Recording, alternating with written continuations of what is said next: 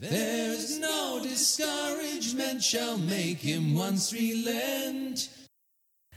Maar goed, dan ga je naar de meseta. En de meseta staat symbool voor de dood. Dat is een oneindige vlakte uh, zonder bomen, kaal. Je kan uren lopen tussen geoogste korenvelden zonder dat er iets is. Helemaal niks. His first intent to be a pilgrim.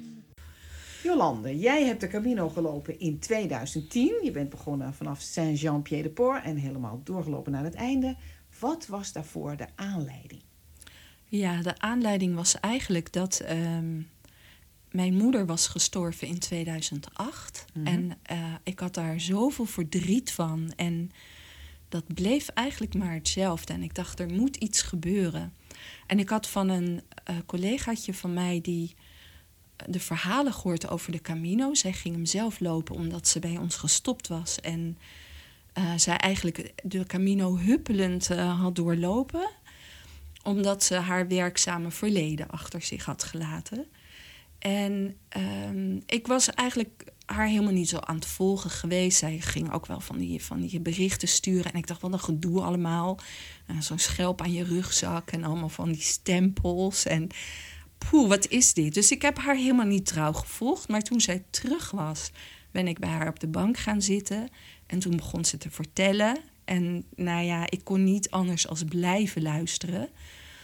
En Wat na de... je toen zo aan? Ja, um, al die toch die mystieke verhalen die er omheen hingen. Allemaal voorbeelden van um, dingen die ze had meegemaakt waarvan je denkt, hoe is het mogelijk dat je dat allemaal kan meemaken op dat pad? Het leek me heel uh, belangrijk om dat te doen. Ja, te en kunnen ook op doen. dat moment. Ja, zeker. En door, de, door het overlijden van mijn moeder dacht ik, er moet iets gebeuren. Want ik, ik moet dat op de een of andere plek zien te geven. Er was te veel verdriet. En ook schuld. Ik had ook echt het gevoel, heb ik voor haar genoeg gedaan? Uh, wat is genoeg? Een Calvinistische opvoeding vanuit uh, de kerk. Alle, bij de Calvinisten of bij de gereformeerden blijft de schuld toch lekker aan je schouders plakken. Dus uh, ja, dat waren allemaal aanleidingen waarvan ik dacht... Er was echt een noodzaak. Ik dacht, het kan ook niet anders. Er moet iets gebeuren. Ja. ja. Oké. Okay. En toen ja. besloot je dus om te beginnen, niet bij de voordeur, maar bij de Pyreneeën. Ja, ja ik kon uh, onbetaald verlof uh, kon ik krijgen via mijn werk. Ja. En uh, dus ik mocht, zeg maar, in, ik moest in ok oktober geloof ik weer beginnen. Oké. Okay. Gebeurden er onderweg naar de Pyreneeën al bijzondere dingen? Ja, want um, ik was toen tijd bestuurslid van Europa Kinderhulp. En in, 2000, in die tijd, in 2010, kwamen er dan nog 2000 kinderen naar, naar Nederland in de vakanties. Om uh, vanuit kwetsbare gezinnen vanuit heel Europa. En die konden dan een onbezorgde drie weken vakantie in een gezin doorbrengen. En bij toeval was het zo dat Secours Populair, waar die organisatie mee samenwerkte in Frankrijk, we hadden ook Franse kinderen, die hadden een groot uh, evenement in augustus waarbij er 40.000 kinderen kwetsbare, uit kwetsbare arme gezinnen naar Parijs kwamen. En uh, daar moesten wij vertegenwoordigd zijn, want er zou een grote parade zijn. En ze vonden het belangrijk dat vanuit Europa Kinderhulp er iemand meeliep. En ik zei, nou, ik ben toch op onderweg, dus dan ga ik dat voor jullie doen. En je had wandelschoenen bij je? Ja, precies. Ja. Dus uh, dat was een enorme ervaring, want achter de Eiffeltoren is een enorm gebied. Um, en die kinderen die kwamen uit alle hoeken van Frankrijk. Vanuit Marseille, vanuit uh, Bordeaux, uh, het puntje van Bretagne. Nou, overal in nachttreinen kwamen ze naar Parijs. En in de ochtend kregen ze een cultureel programma. En intussen de... Oh, en eigenlijk, ja, echt zoveel. En, en uh, tussen de middag kwamen ze allemaal naar die plek achter de Eiffeltoren. En daar gingen ze in het grasveld zitten. En dan hadden ze allemaal dezelfde rugzakjes waar een lunchje in zat. En speeltjes. En wij liepen dan eigenlijk ter vermaak van de kinderen met acteurs en met clowns en muziekgroepen en mensen op stelten. Liepen wij daar ook met een spandoek van Europa Kinderhulp. Nou, enorme belevenis natuurlijk. Dat, dat maakt een indruk, dat kan ik je niet... eh, dat, dat voel je tot in je ziel. En s s'avonds in mijn hotelkamer... eh, In dacht ik, dus nog? Ja, in Parijs dacht ik, ik... Ik hou helemaal niet van bedelbrieven, van sponsoren. Ik vind dat altijd allemaal gedoe, maar ik kon niet anders. Ik dacht, ik moet voor die kinderen die in deze wereld... in kwetsbare, kansarme gezinnen eh, hun leven doorbrengen, daar moet ik iets voor doen. Dus ik ga voor ze lopen en ik ga toch sponsoring aanvragen Oh, bij besloot je vrienden. pas. Ja, ja. eh, ja, en eh, nou ja, familie enzovoort. Ja, dus daar heb ik nog een soort eh, mail aan gewijd die avond. En de volgende dag ging ik op weg naar Saint-Jean-Pied-de-Port. Oké. Ja. Nou, Ja. we gaan graag met je mee. Ja, De ja. Pyreneeën over dus Ja, meteen. ja. ja, ik was gelijk een Belgim. Ik ging gelijk in de modus van bijna op water en brood. Oh, Ja, echt serieus. Ja, ik had nergens behoefte meer aan. Ja, gewoon vanzelf.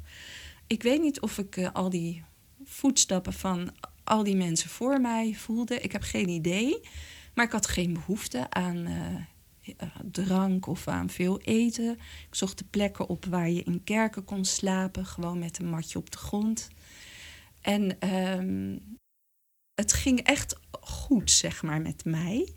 Want je ik voelde meteen al een verschil van ja, ja, eno- ja enorm. Ja. Ja. En ik wou ook eh, fysiek gewoon goed die Camino kunnen lopen. Dus ik had best al een redelijke rugzak. Maar ik dacht dan van oké, die eh, dit lange mouwen eh, t-shirt... dat kan ik best nog wel een stukje van afknippen. Want dat Mhm. scheelt weer een beetje gewicht. Ik ging echt op het minimale, zeg maar... ehm, ja, liep ik ook al in de Pyreneeën, maar ook daarna...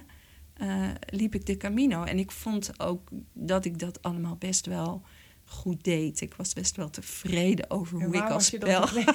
ja, ja, omdat die, sober, ja, die soberheid van dat je met heel weinig Ja, ja. toch eh, toe kan. En dat ik, ik vond mezelf best flexibel daarin. En ik had het gevoel dat ik, eh, ja, dat ik wel deed wat de bedoeling was op de een of andere manier. Oh, dat is interessant. Je deed wat de bedoeling was. Dus kennelijk Ja. had je een idee van de bedoeling. Ja, ja. Hoe stelde je dat dan voor? Ja, toch sober. ehm, terug naar ehm, het leven waarin eh, ja, je, je niet zo erg meer hangt aan de materiële dingen. eh, helemaal terug, dan? terug naar af. nou ja, ja, je verzamelt toch het een en ander in je leven.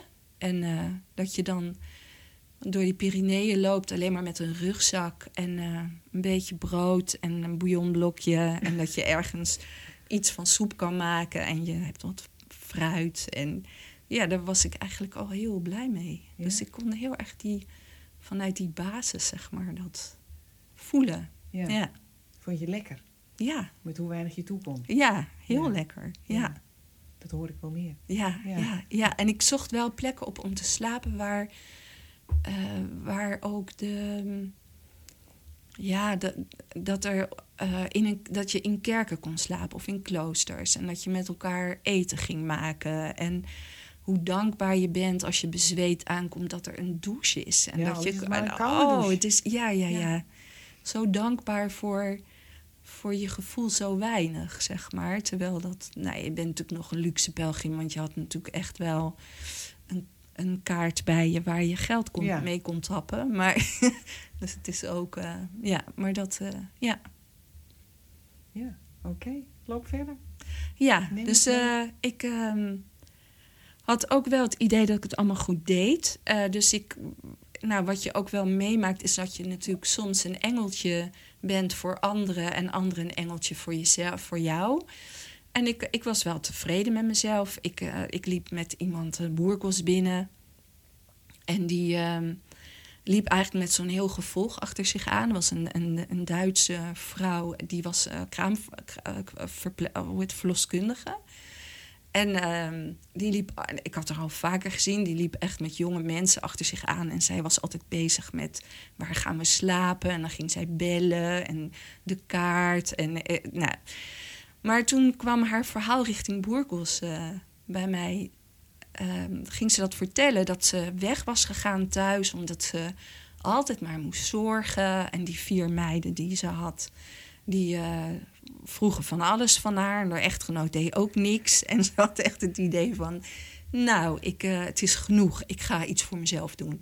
Dus daarom liep, liep, ze de Camino. En op de een of andere manier, ja, je spiegelt elkaar. Dus ik zei tegen haar, nou, als ik zie wat jij aan het doen bent... dan is dit dan niet gewoon een stukje van je gewone leven. En de volgende ochtend kwam ik haar tegen en toen zei ze: Oh, ik heb er zo over nagedacht vannacht. Ik heb iedereen gedag gezegd en ik ga alleen verder. dus ja, ik, nou ja, zo waren er wel wat voorbeelden dat ik dacht: Nou, dat heb ik wel goed gezien of enzovoort. Ja, dus tot toen, tot aan, uh, aan Boerkos ging het allemaal uh, wel uh, ja, naar wens. En ik was mijn moeder ook wel in die zin twee keer tegengekomen. Um, mijn moeder die... Um, ik was één route naar San Juan de Ortega... en toen was er telkens een vlinder die met mij meevloog. En als ik stopte, dan stopte die vlinder ook. En als ik doorliep, liep die weer met me mee. En aan het eind van die tocht um, kreeg ik een berichtje van mijn dochter... die zei... Uh, hey, hey Antje, zo noemt ze mij... Um, ik wil toch vandaag even zeggen dat ik aan je gedacht heb, want het is moederdag vandaag. En ik dacht echt, oké, mijn moeder heb ik het idee dat die als vlinder met me meegevlogen is. En mijn dochter vertelt me nu dat het moederdag was. Ik had geen idee. En er was ook nog een moment in Burgos, uh, waarbij ik ging slapen bij de Emmausgangers. En daar... Dat is een hostel of zo? Nee, dat is dan uh, toch een soort ja, een soort kloosterachtige okay, situatie. Maar slaapgelegenheid. Ja, en zij. van de kerk. Uh, ja, ja. En zij, um, uh, dus zij doen dan ook een dienst en je gaat dan ook eten met elkaar enzovoort. Maar daar kwam de tekst naar voren.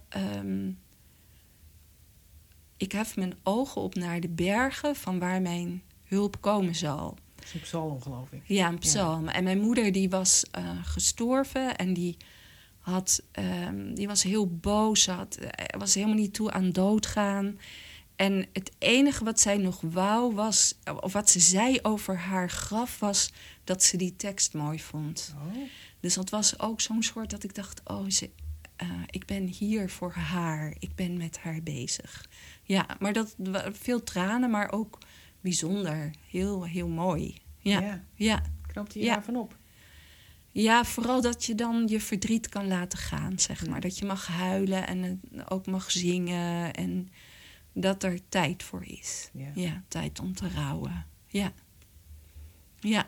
En dit was waar ook weer? Ja, dat was in Burgos. Dus het is eigenlijk de eind van uh, uh, de Rioja en dan ga je richting de Meseta. Oh, dan komt de Meseta. Ja. Okay. Ja. ja, en in de Meseta gebeurde iets raars, want ik weet nog echt dat ik bij Boerkos op een heuvel stond. Of ja, daar sta je dan. En dan moet je naar beneden en dan zie je die oneindige vlakte voor je. En het was augustus, dus al het oh, koren was. Uh, ja, maar ook koren van het land al. Dus het was een soort bruinige oneindigheid. En ik was ook wel verbaasd. Ik had niks over de meseta gehoord. Je kende de reputatie? Nee, geen nee. idee. En het was mooi. En ook uh, indrukwekkend. Maar ik liep, nou nog denk ik geen tien minuten en ik begon ongelooflijk te hyperventileren. Het, het was, ik voelde me zo nietig in die oneindige vlakte. Maar goed, dan. Maar is dat een soort paniek? Ja, dat is ja. echt paniek. Ja, ik dacht echt, en er was niemand. Uh, dus ik dacht, adem helemaal niet onder controle. Maar goed, dan heeft de Camino natuurlijk altijd een oplossing voor je. Dus het begon ook verschrikkelijk te regenen. Dus ik moest zorgen dat ik een poncho, dat ik die over mijn rugzak heen kreeg enzovoort. Dus vandaar dat die hele hyper... Precies, er was geen ontkomen aan. Maar dat was wel de eerste shockervaring uh, op die uh, meseta. Dus die ja. oneindigheid, dat, greep, dat vloog je naar de keel. Ja, ja, geen idee waarom, maar dat was uh, verschrikkelijk. Ja, en um, dat bleef ik wel een beetje bij me houden. En vervolgens kwam ik, uh, liep ik door die meseta en ik uh, voelde me niet, ik voelde me gewoon niet prettig. Zoals dat daarvoor was gegaan met Camino, was, gewoon niet aan de orde. En ik, um, ik kwam in een, ik liep naar een ruïne eh, van Sankt Anton heet hij, of Saint Anton. En die, eh, daarvan dacht ik, ik, ik moet hier blijven. Op de een of andere manier, eh, het was nog vroeg in de middag en ik kon eigenlijk nog heel erg doorlopen. Maar er ging iets magisch uit van die plek. En er stonden nog muren overeind en er waren ook nissen waar ze dan in duizend voor de pelgrims het brood neerlegden en de wijn. Als ze daar. Ja, dat hoorde ik natuurlijk later oh, vanuit, uh, vanuit mm die Hospitalero. En er was, een, eh, er was iets waarvan ik dacht, ik moet hier blijven. En uh, er waren een, een, paar bedden in een soort tentachtige situatie. Wat, wat stapelbedden hadden ze daar neergezet. Dus uiteindelijk uh, heb ik dat ook gedaan. Ben ik daar gaan slapen. Maar ik voelde me in die meseta gewoon niet, niet oké. Het was gewoon, nee. En, en toen zei ik tegen die hospitalero, die daar, een Spaanse jonge gozer... Uh, die, zij gingen mooi eten voor ons maken. We zaten maar met een paar pelgrims aan tafel. En toen zei ik, oh, hoe lang duurt die meseta nog? Want op de een of andere manier uh, is het gewoon voor mij... Ik weet niet, ik, misschien ben ik wel bang. Het is oneindig. Ehm, ik ben al gaan hyperventileren. Ehm, en toen ging hij mij uh, het verhaal vertellen van wat volgens zijn zienswijze de symboliek was uh, vanuit uh, de Camino. Nou, daar, daar heb ik even wat over opgeschreven. Nou, ik ben benieuwd. Want hij zei, um, en ik had geen idee, hij zei, in de Pyreneeën word je eigenlijk geboren. Dan heb je prachtige bergen, de uitzichten, de heuvels en de dalen, de beekjes, het water, de verwondering over de prachtige natuur. En dan ga je in de Rioja, staat eigenlijk symbool voor leven. Dan ga je leven, dan word je volwassen, het is er groen, uh, er is vruchtbare grond, er groeien olijven, er zijn druiven, er wordt wijn gemaakt. Dus de Rioja is um, ja, een, prachtige plek om doorheen te lopen. Maar goed, dan ga je naar de Meseta. En de Meseta staat symbool voor de dood.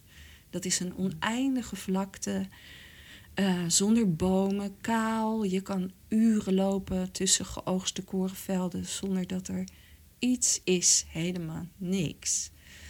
En dan kom je gelukkig daarna in Calicië. En daar is eigenlijk alles. En dat stond volgens hem symbool voor de wedergeboorte. Dan, is er weer, dan zijn er weer bergen, er is wijn, er is prachtige natuur. En dan uh, ga je naar Santiago. En dat is de weg die je hebt te gaan. De weg die of de, Nou ja, dat is de levensweg, zou je kunnen zeggen, okay. volgens zijn idee. En dat sloeg bij mij echt helemaal naar binnen. Want ik dacht, ik ben hier voor de dood van mijn moeder. Ja. Ik ben om daar aandacht aan te geven. En dit is blijkbaar het stuk waarin ik dingen te doen heb. Ja.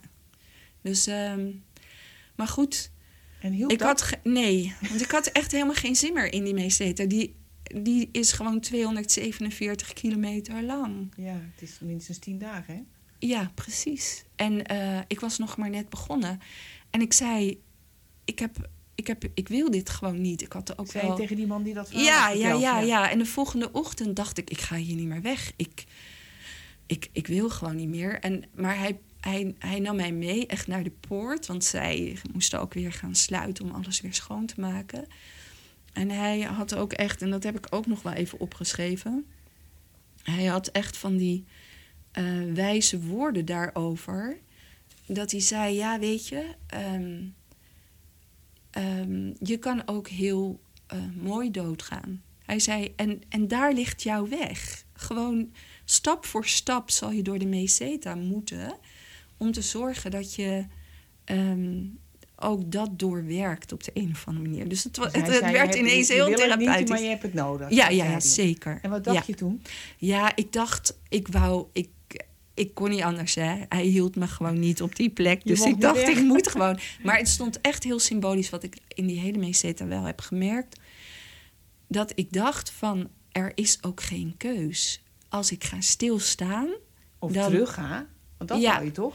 Of overslaan nee, ik wou eigenlijk? niet eens. Ja, ik, ik wist eigenlijk niet meer wat ik wou. Maar, maar stilstaan is geen optie. Je, je moet toch in beweging blijven, wil je bij wijze van spreken ook het verdriet van alles en iedereen die je dierbaar is, die je verliest. Ehm, ja, als je, daarbij, als je daar alleen maar in blijft hangen, dan is er geen toekomst meer. Dus dat was wel symbolisch, maar ook wat ik zo fysiek zo voelde. Dat ik, ik stond daar achter dat hek, hij had hem, hij had hem echt op slot gedaan. En ik Dus dacht, oké, meer dat- dat- nee, dat ding kon- in? Nee, er was geen enkele hulp meer. En ik dacht, oké, als ik nu geen been meer voor de andere zet, dan is het eigenlijk eh, klaar. Dan is bijna je leven eigenlijk klaar. Zo, zo voelde ik dat echt. Dus toen ging een ik. beetje beter uitleggen? Nou ja, als je. ehm, als je zeg maar. Als je, als je niet meer in, binnen het wandelen je ene voet voor de andere zet, dan. Ja, dan is er geen eten meer, dan is er geen drinken meer. Dan ga je Oh. gewoon dood, snap je? Je moet in beweging blijven. En eigenlijk is dat ook wel een thema wat natuurlijk rond de dood van mijn moeder speelde. Ik, je wil gewoon dat alles blijft zoals het is. Eh, ik ben niet zo goed in alle veranderingen die er zijn. Als je ja, toch gelukkig bent in, met je ouders en de familie en hoe dat altijd is geweest, dan kan je dat ook bijna niet missen. Maar als je dan op zo'n camino stil blijft staan, in de meseta, concreet, in de dood, ja, dan is er gewoon geen toekomst meer. Nee, dus je moet iets doen in ieder geval. ja, je moet in beweging Maar jij wilde blijven. dus niet verder die meseta over. Nee, nee. Maar wat had je dan eigenlijk voor plan B? Nee, niks. Ik moest dus lopen. Er bleef gewoon niks anders over. Nee. Want alle andere alternatieven waren nog erger. Precies. Ja. Ja, ja. Nee, nee, nee. Ik moest. Ik wist ook echt dat ik naar Santiago moest. Snap je? Er was geen optie van ik ga terug of zo. Nee, dat was er absoluut niet. Nee.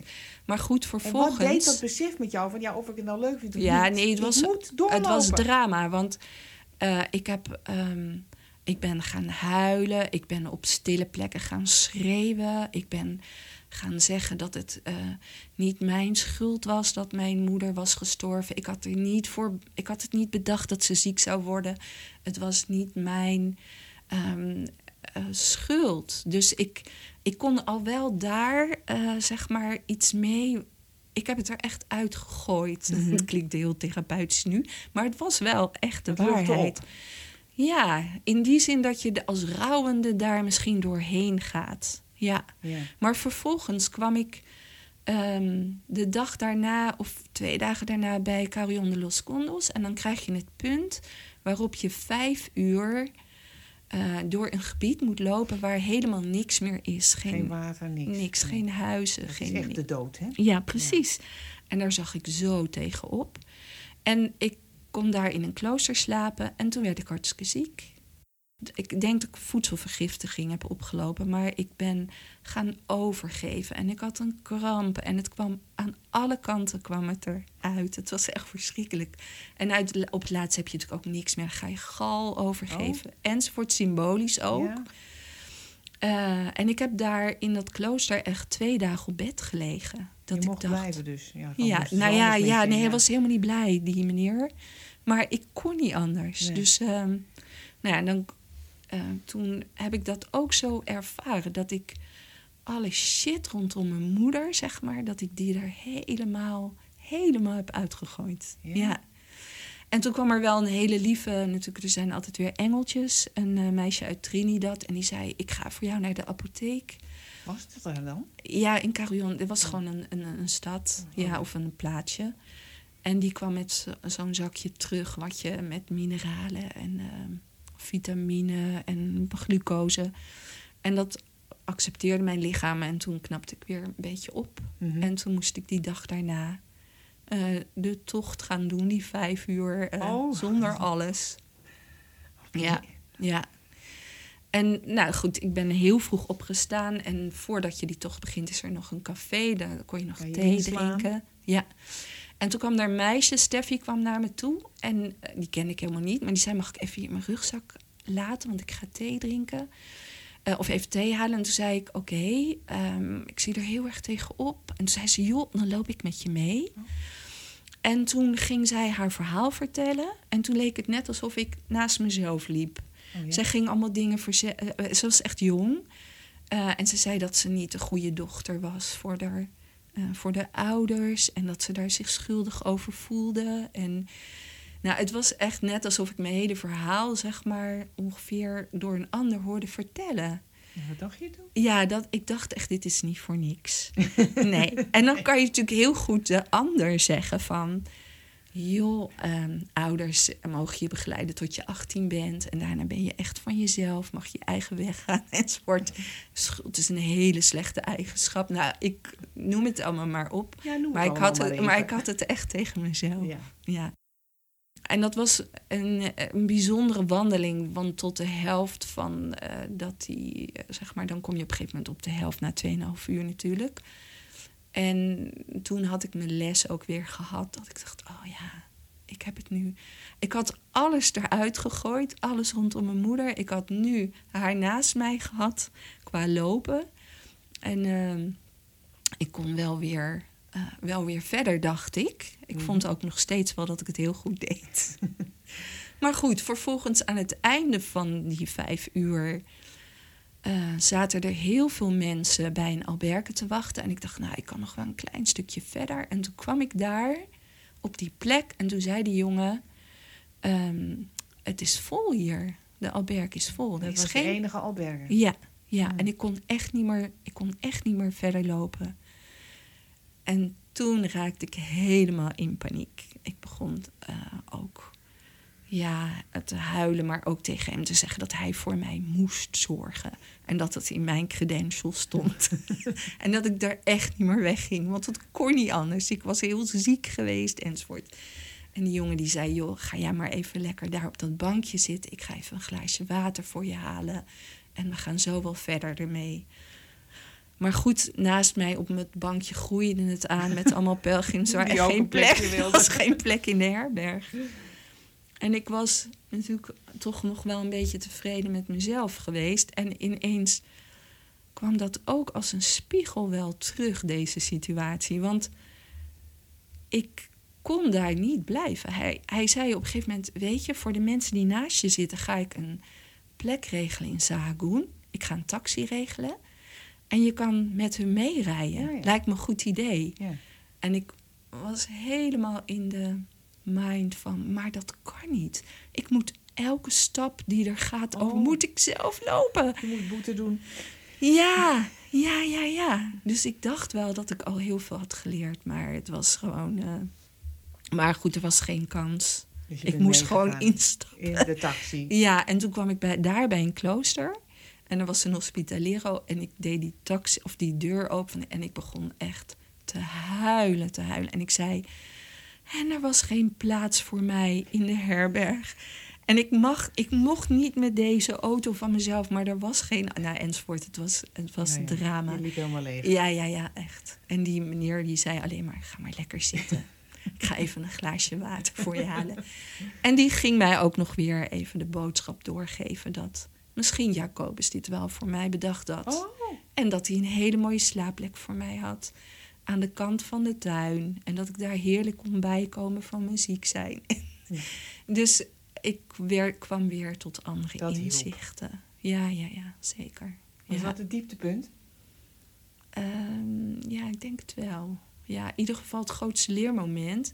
Dat ik dus blijkbaar nog heel erg dwangmatig, terwijl ik dacht dat ik dat bij anderen goed gezien had, maar ik het van mezelf gewoon helemaal niet had Ja, bekeken. nee. Ja, belachelijk hè, hoe dat werkt. Ja. Dus ik kreeg wederom een eh, spiegel naar me toe, waardoor ik dacht: oké, dit is, eh, ja, wat gaat er nog meer komen op deze meseta? Ja. En hij zei ook nog trouwens, als je het echt zo erg vindt, ga je gewoon de volgende dag terug met de taxi Oh ja. en dan ga je het alsnog lopen. maar maak je druk? Ik maakte me zo druk over mijn eigen gedachten, die ik dwangmatig toch voor mezelf had bedacht, dat ik dat allemaal moest lopen. Terwijl dat natuurlijk helemaal niemand dat zegt dat je dat moet doen. Nee. Maar dat was wat in mijn hoofd zat. En ik was dus helemaal niet zo flexibel als ik Zo dacht. relaxed, En, nee. nee, nee, Maar je hebt de volgende ochtend niet die taxi teruggenomen, mag ik toch aannemen? Nee, nee, ik heb Dus het je- niet Je gedaan. boekte vooruitgang. Ja, ik heb trouwens dat wel heel lang ook nog Nou, nu waar. weet iedereen het. Precies. Ja, het was toch wel. eh, ja, nee, ik ben niet teruggegaan omdat het ook een vreselijke route was langs de weg. En er waren banken die waren van beton gemaakt. En dat was helemaal niks. Nee, ik vond de meseta verschrikkelijk. Ja. Ja, maar goed, wel natuurlijk eh, symbolisch heel belangrijk. Ja. Ja. Ja. ja, En dan kom je aan in? Ja, dus dan ga je natuurlijk richting Santiago. En eh Gorny, die vriendin van mij, die eh, huppelend eh naar Camino had gelopen, die had gezegd: Ik kom vanaf Astorga kom ik bij je. En dan gaan we samen richting Santiago. Ehm, en dat had ik bij ziek zijn ook wel bedacht. Dat ik dacht: Oh, dit is wel ehm, bijzonder. Want ik had ook nog wel zo'n soort ingeving: ik hoef het niet altijd allemaal alleen te doen. Ook met de acceptatie van dat een ander je gaat helpen. Dat mag best. Je mag best soms geholpen worden. Ja. Je mag ook soms in een taxi gaan zitten. Als Ultieme symbool, ja. Precies. En eh, dus zij eh, kwam erbij. Nou, richting Santiago. ehm, de laatste dag ging zij mij berichten dat ze zei: Er is hier zoiets raars aan de hand in Santiago. Er zijn overal kinderen hier. Er, ik, er is geen straat waar geen kinderen zijn. En ik had dat zelf ook bij eh, het laatste stuk, dat ik dacht: er zijn allemaal middelbare scholieren die kwamen zingend en eh, vrolijk voorbij met, met leerkrachten. En, dus het was echt heel bijzonder. Ik kwam op 1 oktober in Santiago aan. Maar ik ging naar de kathedraal en de kathedraal was he- zat helemaal alleen maar vol met kinderen en met tieners. En dat was echt. Nou, je denkt, hoe kan de Camino dat bedenken? Ik was in Parijs weggegaan met 40.000 kinderen. En nu kwam ik in Santiago in de kathedraal aan en die was alleen maar vol met kinderen. Dus dat is ongelooflijk. Ik was natuurlijk ziek geweest. Als ik niet ziek was geweest, dan had ik die kinderen niet eh, getroffen. Als ik niet in de ruïne was gaan slapen, dan was ik eerder in Santiago aangekomen. Het zijn wel de mystieke verhalen van de Camino dat je denkt: dit kan geen toeval zijn. Hmm. Ja, ja. Dus En wat is het dan wel? ja, nou ja, je bent ook gevoelig natuurlijk voor de lessen die het je, die het je geeft. En ehm, ja, ik, ik, ik weet echt niet wat het is. Maar het is wel, je bent dankbaar dat je het meemaakt. Je bent heel dankbaar voor alles wat je heel bewust ervaart. Ja, want toen wou ik ook echt nog wel naar Finisterre. En eh, ik heb toen... ehm, ik had al bij Kreuz de Ferro een stuk. Ik had een doek van mijn moeder in mijn rugzak. Daar had ik nog, no- daar, dat ging ik borduren. Elke keer als ik dan bij een aankwam, dan ging ik weer iets moois erop borduren. Toen heb ik bij Kreuz de Ferro een stuk daar afgescheurd. En die heb ik daar als een strik achtergelaten. En in Finisterre heb ik ook een stuk van de doek eh, aan mijn moeder, voor mijn moeder, zeg maar, verbrand. Ik Ja. heb echt symbolisch geprobeerd om het verdriet ehm, eh, daar achter te laten. In die zin dat, eh, dat het rouwstuk daar zou blijven.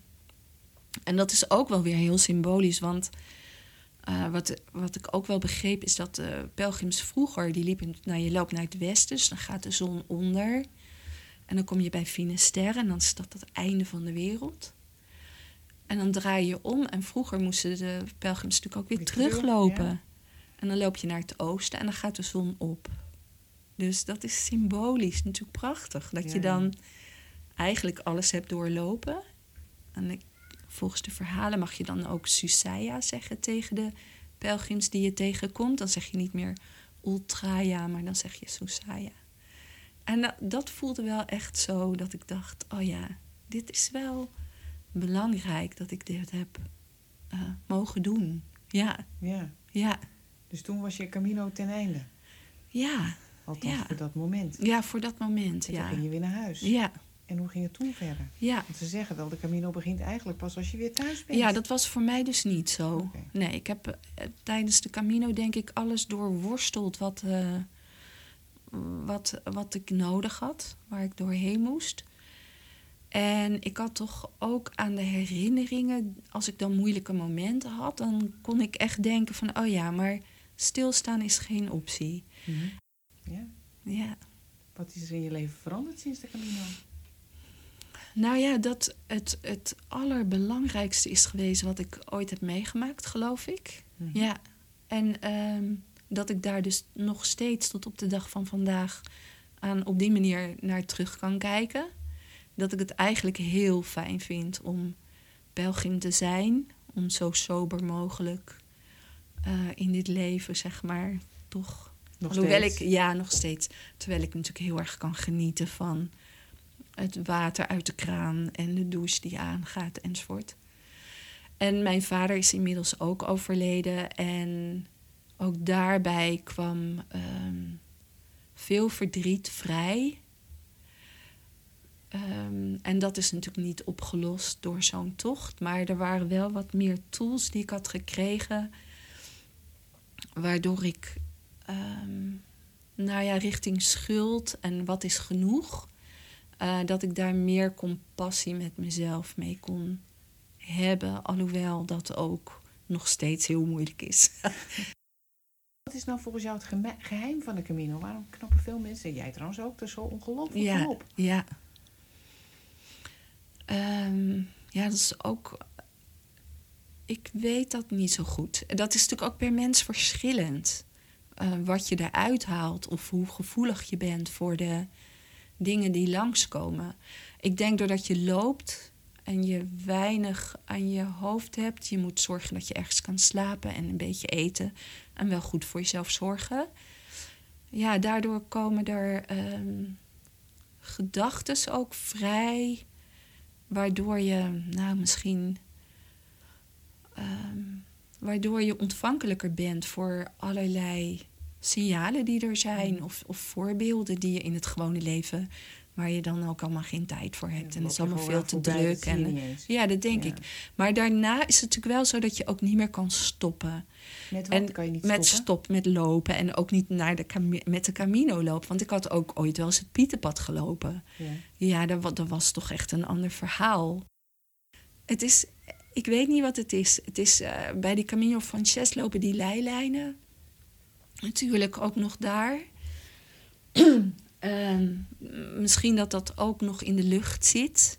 Ehm, de, alle mensen die je tegenkomt, ja, die hebben eenzelfde soort idee. Of je bent gelijk gestemd misschien. Terwijl ik, ik kan het niet zo goed uitleggen. Ja. Maar in ieder geval, maar wat ik wel vind, is dat de eerste Camino is wel degene waar je de meeste. Eh, of voor mij in ieder geval, waar ik de lessen geleerd heb. Ja. De andere Camino's is weer terug naar, oh wat heerlijk om een pelgrim te zijn. Ik ben ook nog wel op de Camino del Norte gaan lopen. Ehm, vanaf Nederland, ehm, nog weer door broeder Fons nog een keer gezegend. Eh, dus je, je wil telkens terug naar, de, naar, naar het lopen op de Camino. Maar, maar de Camino Frances, dat is niet meer iets wat op die manier terugkomt. nooit meer wat zoals de eerste keer. Nee, nee, nee, Nee. voor mij niet. Nee. Maar daarna is er geen ehm, jaar overgeslagen waarop ik niet op een Camino heb gelopen. Gek hè? Dat we dat met z'n allen gewoon zo doen. Ja. Ja, Dus je bent Ja. eigenlijk nog steeds wel een pelgrim. ja, ik, ik denk het wel, ja. Ja, ja. Ja, bijzonder. Ja. Dankjewel. Ja, jij ook bedankt. Dank je wel. Who would true valor see? Let him come hither. One here will constant be, come wind, come weather. There's no discouragement shall make him once relent his first avowed intent to be a pilgrim. Whoso beset him round with the dismal stories do but themselves confound his. Wil je meer weten over de Camino? Kijk dan eens op de website van het Nederlands Genootschap van Sint-Jacob, www.santiago.nl. Suggesties voor deze podcast kun je mailen naar mij, post.johannakroon.nl. En als je deze podcast interessant vindt voor je vrienden, zou je er dan op Facebook een berichtje aan willen wijden. Het lied dat je hoort is een Engels pelgrimslied uit 1684, getiteld Who Would True Valor See, gezongen door Alistair Thompson op zijn CD Log Rise Revisited. Tot de volgende keer. Who would true? Let him come hither. One here will constant be, come wind, come weather. There's no discouragement shall make him once relent his first avowed intent to be a pilgrim.